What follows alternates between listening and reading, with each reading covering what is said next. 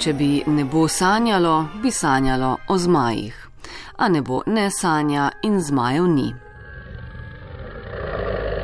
Kako pa veste, da zmajev ni, da zmaj ne obstaja? Doktorja Marka Freliha iz Slovenskega etnografskega muzeja so zmaji začeli zanimati, ko se je na terenu kot arheolog začel srečevati z različnimi pripovedkami o mističnih bitjih. Zdaj je o njih pripravil tudi razstavo Zmaj vseh zmajev, ki je pravzaprav nekakšen izlet v njihov svet.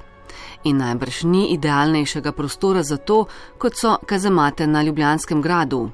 Tam so namreč odkrili tudi napis posvečen grškemu bogu zdravilstva v podobi kače.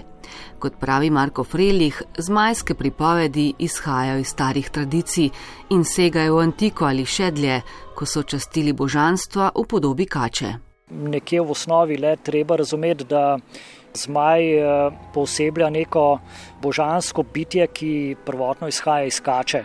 In kača ima v številnih kulturah zelo pozitiven pomen, je simbol tega ciklusa večnega prehoda med življenjem in smrtjo, hkrati pa zaradi svoje podobe, zaradi seveda strašljivih učinkov, ki jih pusti lahko na človeku, je pa kača imela tudi negativni pomen v smislu obrambe, varovanja in pogosto so kače kot simboli eh, nekih varuhov, recimo znameniti Piton v Delfih je varoval sveti zver, tako da so kače prikazane kot neki varuhi svetih prostorov, svetih gajev, svetih izverov, jezer in so dejansko pozitivne, varujejo, seveda v trenutku, ko jih pa uh, ogroziš, ne, takrat pa nastopijo za vso svojo močjo in te uničijo. Tako da iz teh eh, kačjih podob eh, se seveda razvijajo zmaji. V Egiptu kače dobijo krila, znajo leteti in tudi pri nas recimo obstaja eh, ljudska pripoved o veliki kači na Ptujskem polju, ki se je pospela na Wurberg. No in ta kača potem nenadoma dobi krila in je celo sposobna leteti. Naprimer, v Aziji ima zmaj pozitivno vlogo. Na kitajskem zmaji, ki so pravzaprav velike kače s krempli, skrbijo, da ni suše. Pri nas pa so največkrat krivi za potrese, poplave in druge nesreče. Zmaji namreč imajo poganske elemente, simbolizirajo zle sile božanstev, ki so jih častili nekoč in zato je zmaje treba uničiti. Tudi temu delu boja med poganstvom zmaji in krščanstvom svetniki je namenjen del razstave na Ljubljanskem gradu. No, svetnikov je več, eh, eh, med drugim tudi eh, znani rimski papež Silvestr, sveti Silvestr se spopade z zmajem sredi Rima, no, ampak najbolj znan je sigurno sveti Juri. Tudi pri nas imamo čez 70 crkva, ki so posvečene svetemu Juriju. Eh, Sveti Juri je res tisti svetnik, ki ima prvenstveno vlogo v boju z majem. Eh, je pa treba podariti, da eh, predvsem v Evropi dominira ta podoba svetega Jurija kot bojevnika, kot tistega, ki premaga grozno mogočno pošast, medtem ko na vzhodu pa ima sveti Juri drug pomen, bolj je v spredju njegova podoba mučenca, pri nas v Evropi pa dominira podoba svetega Jurija, ki pobiva zmaja. Ponavadi so pripovedi o zmajih povezane s čisto naravnimi stvarmi in dogodki, ki jih ljudje včasih niso znali razložiti. Kot pravi dr. Marko Frelih, je zanimivo, da se te ponavadi pojavljajo na močnih arheoloških točkah. Namreč, ko so ljudje našli takšne kosti, eh, oni niso vedeli, kaj te kosti pomenijo, da so to v resnici ostanki davno izumrlih eh, živali, ki so nekoč živele v našem prostoru in eh, so jih razumeli kot neka grozovita bitja, ki so živela še v tem bibličnem ali pa predbibličnem času in glede na njihove dimenzije so sklepali, da so morda to kosti oziroma ostanki eh, zmajev, kot so bili poučeni tudi recimo predvsem iz svetega pisma. Tak primer imamo predvsem v Nevljah pri Kamniku, nedaleč od eh, najdišča mamutovih kosti.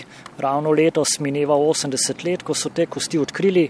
Ne, imamo v bližini postavljeno crkvo svetega Jurija. Podoben primer je tudi v Motniku, kjer so našli ostanke nosoroga.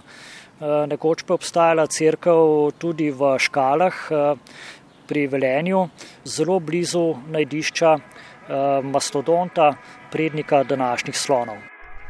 Marko Frelih, kustos v Slovenskem etnografskem muzeju, večkrat reče, da je Slovenija dežela zmajev. Mogoče ima res prednost pred vsemi drugimi ljubljanski zmaj, zaradi mostu in grba, pa tudi zaradi mita o organavtih in jazonu, ki je v ljubljanskem očvirju premagal grozovito pošast. A vseeno je pripovedk vse polno, od severa pa do juga. Recimo zmaj na Košuti nad Tržičem je povzročil uničujoči potres, ki zasuje stari Tržič in potem nastane novo naselje. Eh, meni je zelo zanimiva ribnica, ker ima kar dva zmaja, enega na začetku doline, če gledamo iz Ljubljanske smeri, tukaj pri Žlebiču, nastopa zmaj, eh, ki potem konča v tej jami Tentera. Na drugi strani doline, pri doleni vasi, imamo zopet zmaja, ki povzroči potres in eh, potem konča globoko v podzemlju pod eh, Veliko goro. No in je zanimivo, da prvega zmaja nekako nadzira eh, sveti Juri s kapelo na Ortneku. Na drugi strani doline pa zmaja kroti oziroma ima nad njim oblast, da ne bi prišel ponovno na površje eh, sveta Marjeta.